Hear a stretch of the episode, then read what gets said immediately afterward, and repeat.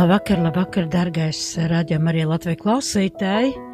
Pulkstenis ir dažas minūtes pār deviņiem, un šajā 24 stundas jēzuma laikā Liepājas studija pārņem ēteru. Paldies mūsu draugiem un kolēģiem no Rīgas.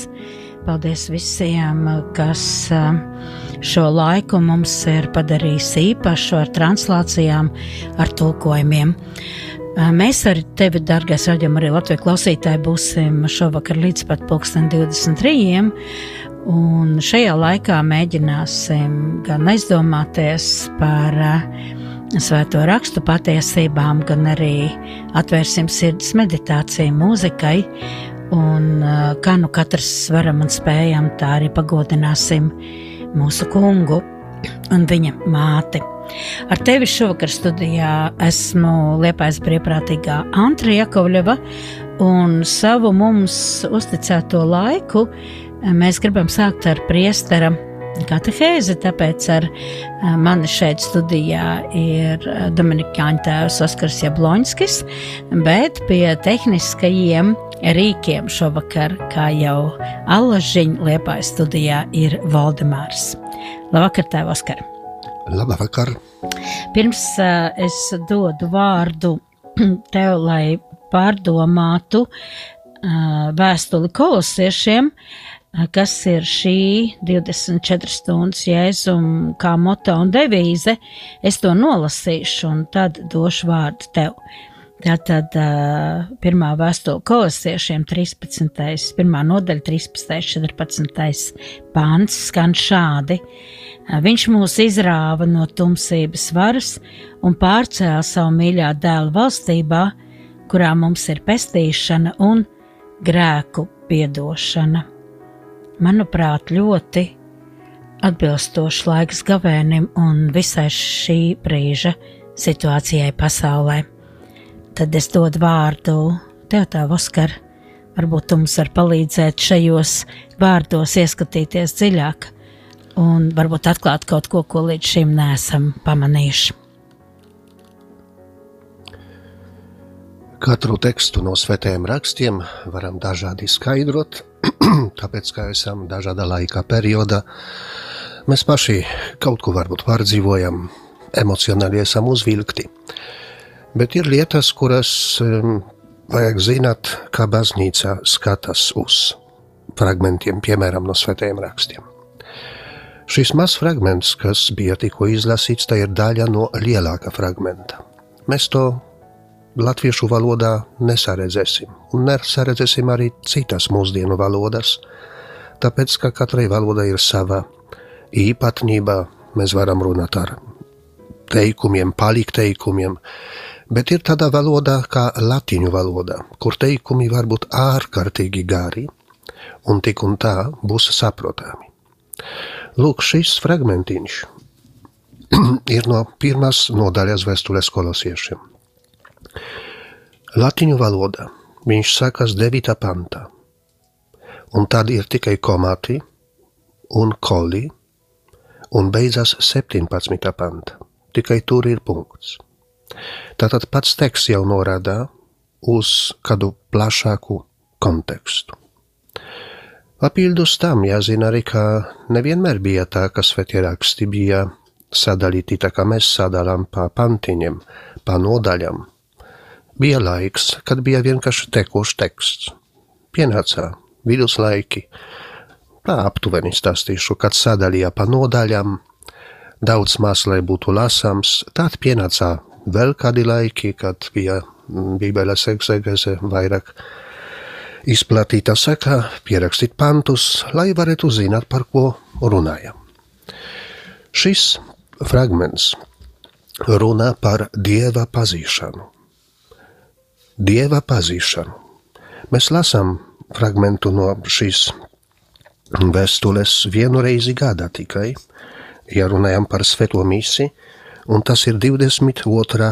nedēļa, ceturtdien un piekdien. Ceturtdiena sakās, kopš tās dienas, kad par jums dabūjam dzirdēt, mēs nebeidzam lūgties un prasīt Dievu, lai jūs nonāktu līdz pilnīgai viņa gribas pazīšanai, visā gudrībā un garīgajā saprāšanā, lai jūs kunga cienīgi dzīvotu, patīkdami viņam visās lietas, nesdami augļus katrā labā darbā un pieaugdami dziļākā dieva pazīšana. Un lai viņa godības spēks jūs bagātīgi stiprinātu visā patiesībā un lēnprātībā. Ar prieku pateicieties Tēvam, kas jūs ir darījis cienīgus, kļūt par svēto mantojuma dalībniekiem gaismā. Viņš mūs izrāva no tumsības varas un pārcēla savā mīļā dēla valstība, kura mums ir pestīšana un grēku piedošana. Kristus ir neredzama dieva attēls, visas radības pirmdzimtais, jo viņa ir radīts viss, kas ir radīts debesis un virs zemes, redzamais un neredzamais, troni un valdīšanas, priekšniecības un varas, viss caur viņu un viņa ir radīts, un viņš ir pirms visa, un viss pastāv viņā.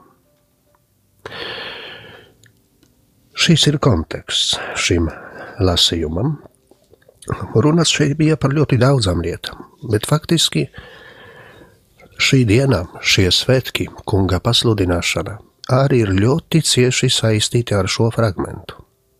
Tāpēc, ka runāts ir par to radīšanu, runāts ir par to, ka Kristus ir neredzama dieva attēls vai tēls, un kad runājam par šiem svētkiem, tad tieši varam vērst savu uzmanību uz to dieva pazīšanu, pazīt dievu. Ko tas nozīmē pazīt dievu? Mēs ticam, ka ir viens dievs, trīs personas. Mēs ticam, ka šīs personas ir vienādas godībā, mēs varam paņemt ticības apliecinājumu un lasīt tur dažādus vārdus. Latviešu valoda ir tāda, kāda ir, mēs sakām vienlīdzīgi, viņi ir, citā apzīmējumā mums nav, viņi ir vienkārši vienādi, ņemot vērā dabu, atšķiras, trīs vienībās personas atšķiras tikai un vienīgi ar tā saucamam iekšējām relācijām. Ne ārējām, bet iekšējām relācijām un ne attiecībām, bet relācijām. Tas ir tehniskais jēdziens. Tas nozīmē, ka visa trīsvienība vienmēr darbojas kopā. Kad dzirdējām šajā fragmentā, ka Tevs mūs izrāva vai izņēma no tumsības varas eh, savā dēlā eh, un, un pārcēla savā dēlā valstībā, tad runa ir par kaut kādu īpašu ticības noslēpumu, kad runa ir tieši par to iemiesošanos, par šiem svētkiem, kas mums šodien ir. Jo tas bija veids, kā Dievs mūs atpirka, iesāka, teiksim, atpirkšanas ceļu. Tas bija veids, kā viņš mums deva cerību uz mūžīgo dzīvi. Paskatīsimies drusku kaut kādus fragmentus no Akvinas Tomā teoloģijas summas, kur mēģināšu drusciņi vienkārši pārtulkot vai izlasīt viņa domas, kur viņš ļoti precīzi arī skaidro, kā pareizi saprast šo ticības patiesību, kā Dievs iemiesojas, vai tas vispār bija um, vajadzīgs vai, vai tas dieva cienīgs darbs un tā tālāk un tā tālāk. Tā varam nedaudz paklausīties mūziku. Tavs krusts, kungs, dod jaunu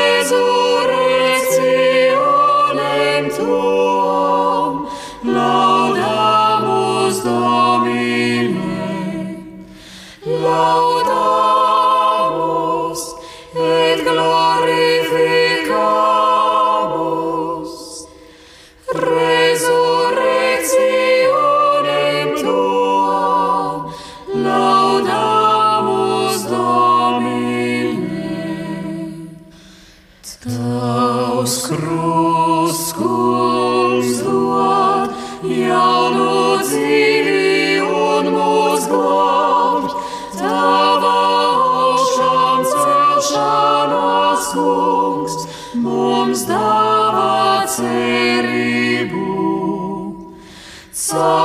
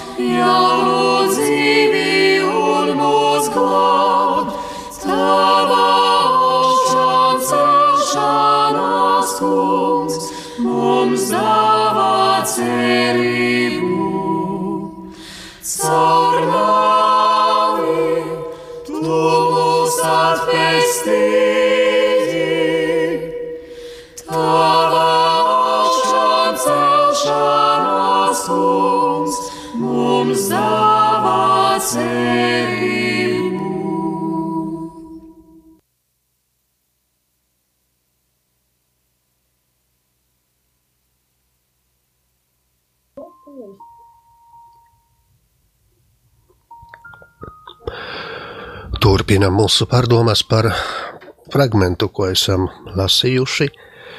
Atgādinu, ka šis fragments, ko, kas ir pieņemts kā moto, ir tikai mazs izvilkums no viena liela teikuma latīņu valodā. Ko tas priekš mums tālāk nozīmē? Ko nozīmē pazīt Dievu? Dažādi cilvēki to skaidro. Vieni runā par emocionālo dzīvi, citi runā par racionālo. Esam aicināti zināt, kāds ir mūsu Dievs. Un ticēt. Ticība ir dāvana no, no Dieva. Ticība, ja skatāmies no scholastiskā viedokļa, ir zinātne. No mūsu viedokļa tā ir kāda paļāvība. Tas ir tas, ka pieņemam kaut ko kā, kā patiesību un cenšamies saskaņā ar to dzīvot. Kad runājam par Dievu, mums, kā cilvēkiem, ir tāda tendence, ka kaut gan runājam trīsvienīgais Dievs vai trijādība, mums ir tendence nošķirt personas. No vienas puses, tas ir pilnīgi saprotami, jo runājam Tēvs, Dēls, Svētais Gars. No otras puses, jābūt ārkārtīgi uzmanīgam, lai nenokļūtu kaut kādas maldu mācības. Akvinas Toms, kad uzrakstīja savu teoloģijas summu, neuzreiz uzrakstīja par katru no trīsvienības personām.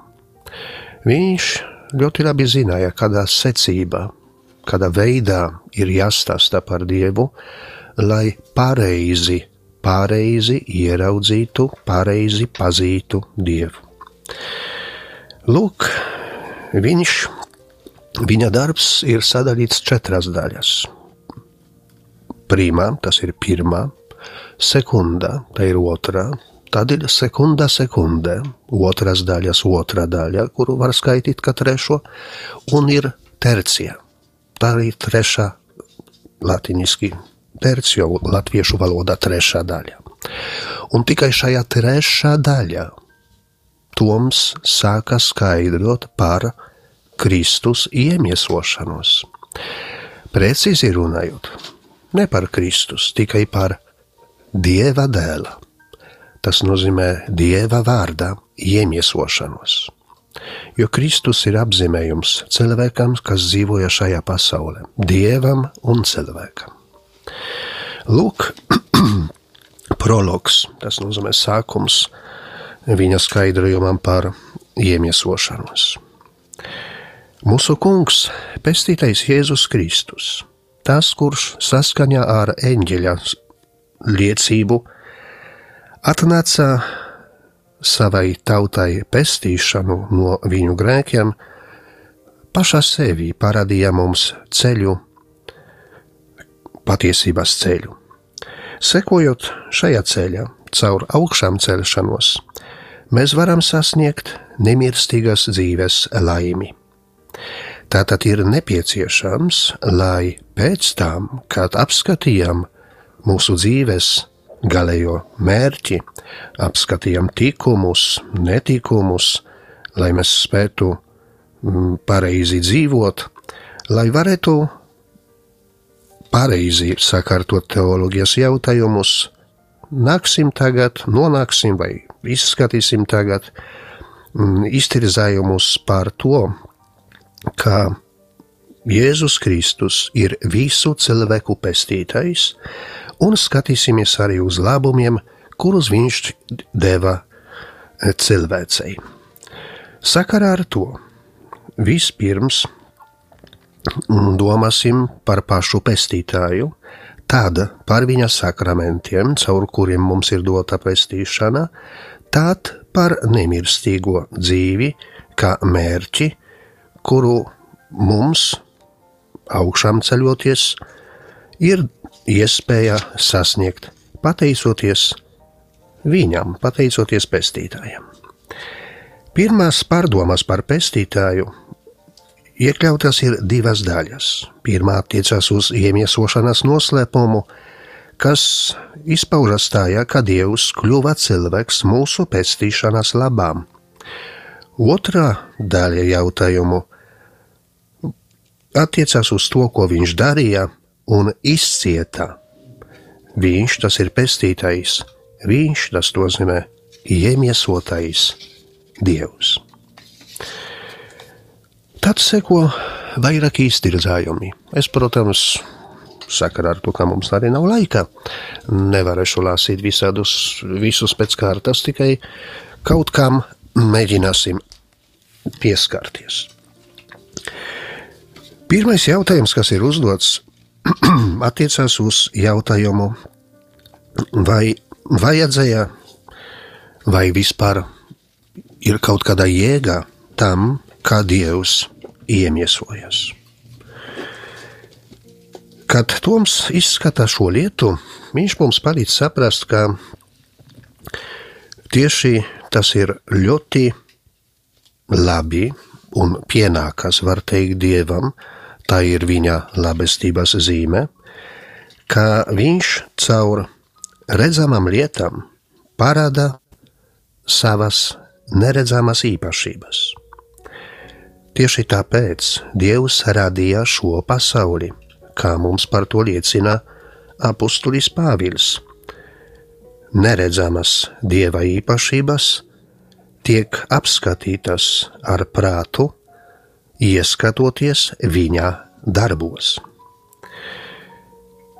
Toms piemin arī Svetu Jāni Dāmaskieti, kurš stāsta, ka iemiesošanas noslēpums ir brīnumains, jo tajā vienlaikus atklājas eh, dieva labestība, gudrība, taisnīgums un varenība. Labums, jo Dievs nenonīcināja savas radības vājumu.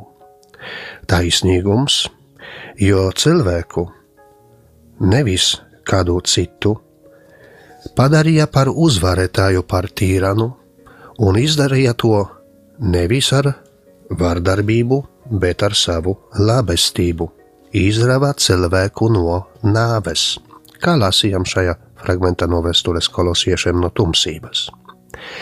Tad gudrību, jo Dievs atrada vislabāko risinājumu visgrūtākajā lietā, un tad varenību vai visvarenību, jo nav nekā lielākā par to, ka Dievs kļuva cilvēks.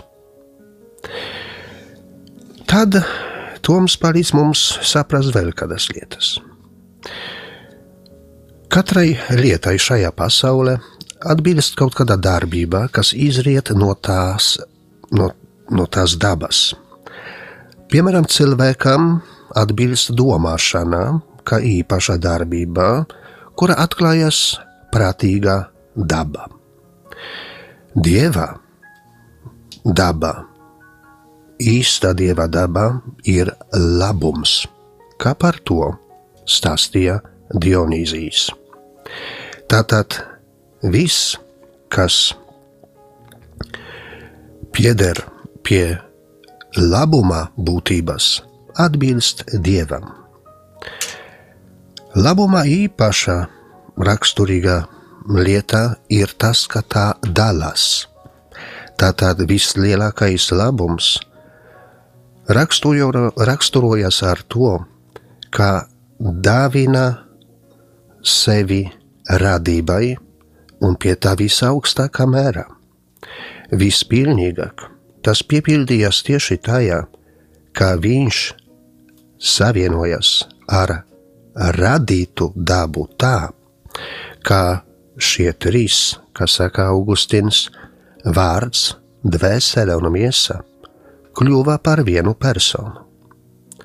Tātad ir skaidrs, ka tas, ka Dievs iemiesojas, bija mums kaut kas ļoti, ļoti labs.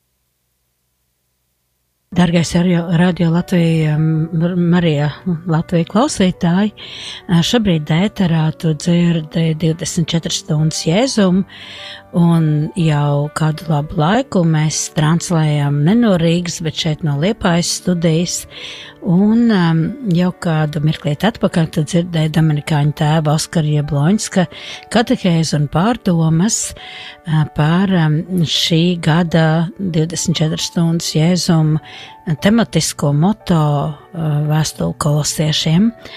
Un tad, tad uh, paliec ar mums kopā un katehēze turpinās.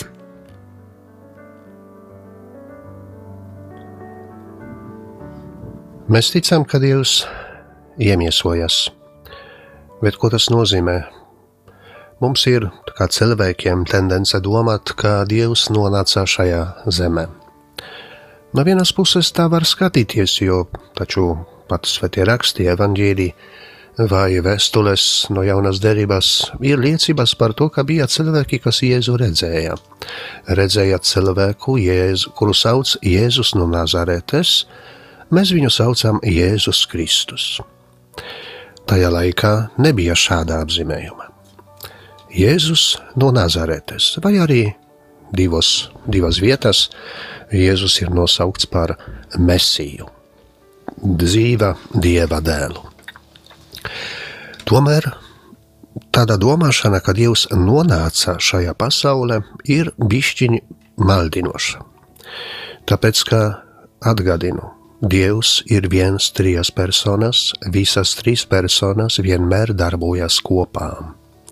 Tas nozīmē, ka šī diena, kad pārdomājam par Dieva vārda iemiesošanos, īsi sakam, Dieva iemiesošanos, pēc būtības vajag, lai mēs ieraudzītu, ka Dievs pieņēma, otrā trīsvienības persona pieņēma cilvēka dvēseli un miesu, pieņēma, var teikt, jau pacēlā, jau pagodināja, jau izcēlā, jau izrāvā mūs no tumsības varas. Tas ir ceļš, kas mums ir dots, lai mēs pareizi skatotu, skatītos uz pestīšanu, uz to, kas mums ir dots, kas mums ir dāvināts, uz ko mēs esam aicināti. Bet tad var jautāt, vai Dievs iemiesojas tāpēc, ka tas bija nepieciešams, vai viņš bija spiests kaut ko tādu izdarīt? Nē, nebija. Viena no iztirzājumiem Toms e, stāsta, ka baznīcas vēsture bija ļoti dažādas domas, daži teologi dažādi izteicas. Bija tādi, kuri runāja, ka Dievs taču ir visvarenais, viņš var pa citu ceļu to izdarīt. Šeit viņš arī piemin Sveto Augustīnu, protams, bet e, tomēr skaidro vēlāk, ka pati raksti mums palīdz saprast, ka tas bija vislabākais no iespējamiem veidiem. Es jau izlasīju fragmentu iepriekšējās pārdomas, ka tieši Dievs atrada vislabāko risinājumu visgrūtākajai lietai, un tajā izpaužās viņa gudrība. Bet ko tas nozīmē tālāk par to nepieciešamību? Lūk, kaut kas var būt mums nepieciešams divos veidos. Viens ir tāds, kā mums vajag ēst, vajag dzert. Ja mēs to nedarīsim, vajag elpot. Ja mēs to nedarīsim, mēs nomirsim. Bet ir cits nepieciešamības veids. Pastāstīšu to tagad ar piemēru studijā, kur mēs atrodamies. Lai es, piemēram, no Liepājas varētu jums stāstīt radio Marija kaut kādu katehēzi, ir nepieciešams, lai mums šeit būtu studijā, attiecīgā aparatūrā, kura pati par sevi man normāli dzīvei nav vajadzīga bet lai ar jums varētu sazināties, viņa šajā brīdī ir nepieciešama. Tā varētu viņu nosaukt. Līdzīgi arī ar citām lietām. Tas nozīmē, ka kaut kas ir absolūti nepieciešams un nepieciešams tikai kaut kāda iemesla dēļ. Un tieši par to runājam, par šo otru nepieciešamību. Runājam, kad stāstam vai mēģinam izprast dieva iemiesošanas noslēpumu. Tas, kas, kā Toms mums skaisti skaidro, tas, kas visvairāk sargā cilvēci no pazūšanas, ir cilvēku pestīšanai nepieciešams. Iemiesošanas noslēpums ir tieši tāds līdzeklis, jo ir teikts, Dievs tā mīlēja pasauli, ka savu vienpiedzimušo dēlu deva, lai katrs, kas viņam tic, nepazustu, bet iegūtu mūžīgo dzīvi. Tātad, lai atpestītu cilvēkus, dieva iemiesošana bija nepieciešama. Pateicoties tai iemiesošanai, mums ir ļoti daudzi arī sniegti labumi. Tas nozīmē, mums ir iespēja augt labumā, ja mēs kaut ko mēģināsim ieraudzīt un to savā dzīvē, savā dzīvē arī vien varam izmantot.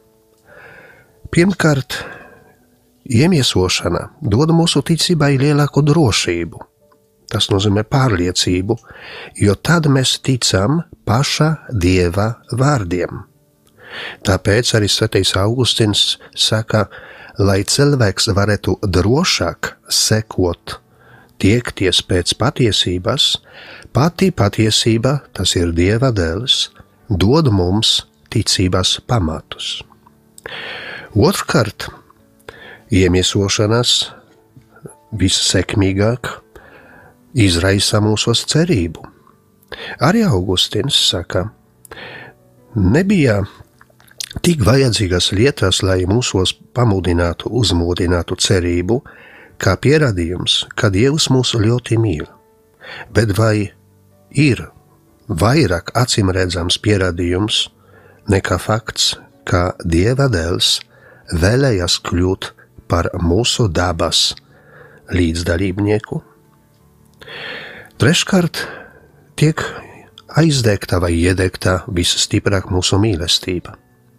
Jo kas pierunāja, var teikt, e, kungu, lai viņš naktu,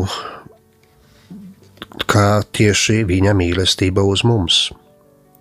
Tāpēc arī Augustīns dod mums padomu, ja iemīlēt Dievu bija grūti, tad vismaz nekavēsimies ar atbildi uz viņa mīlestību.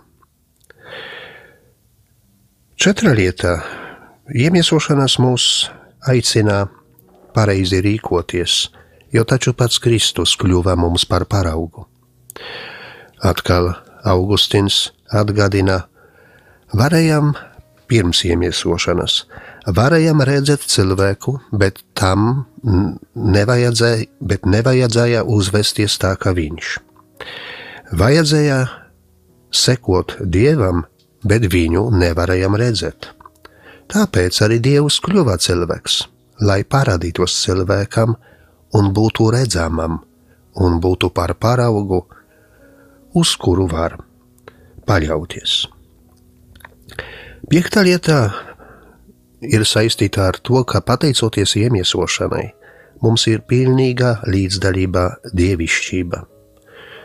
Par to mēs lasījām šajā fragmentā no vēstures kolosiešiem. Piedalīšanās dievišķībā tā ir tieši cilvēka laime un mūsu dzīves mērķis.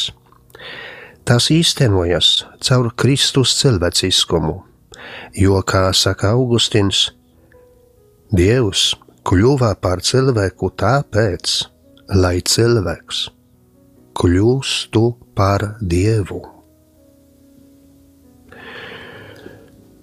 Mums ir ļoti liels aicinājums, ļoti cēls aicinājums. Tāpēc arī cenšamies cik vien varam pateikties Dievam par to, ka Viņš mūs patiešām izrāva, ka atnāca, kā, kā skaidroju, ne tik viņš atnāca, viņš trīsvienībā vienmēr darbojas kopā. Ja sāksim Jēzu atdalīt no tēva, tad nokļūsim arianizmā, kas ir tīra hereze, kura diemžēl mūsdienas ir izplatīta. Sargāsim savu prātu, centīsimies pareizi ticēt, dievišķa persona, otra dievišķa persona, kuru saucam Dieva dēls, pieņēma cilvēka miesu un dvēseli. Mēs runājam, kā pazemojas, mēs varam runāt, kā atnāca virs zemes, dzīvoja labi, bet lūdzu vienmēr, ah, šeit ir vēl jāatceras, Dievam nav laika, Dievam nav telpas. Viņš var būt visur. Kā viens no, viena no prefācijām skaisti saka, viņā mēs dzīvojam, kustamies un esam. Bet šos vārdus arī pareizi jāsaprot nevis panteistiski, bet tā, kā māca baznīca. Viņa, tas nozīmē viņa žēlastība. Viņš par mums domā, ja viņš par mums domā, tad mēs arī esam un par to cenšamies Dievam pateikties un lūdzam no Viņa žēlastību, kā mēs būtu cienīgi, būtu ticīgiem.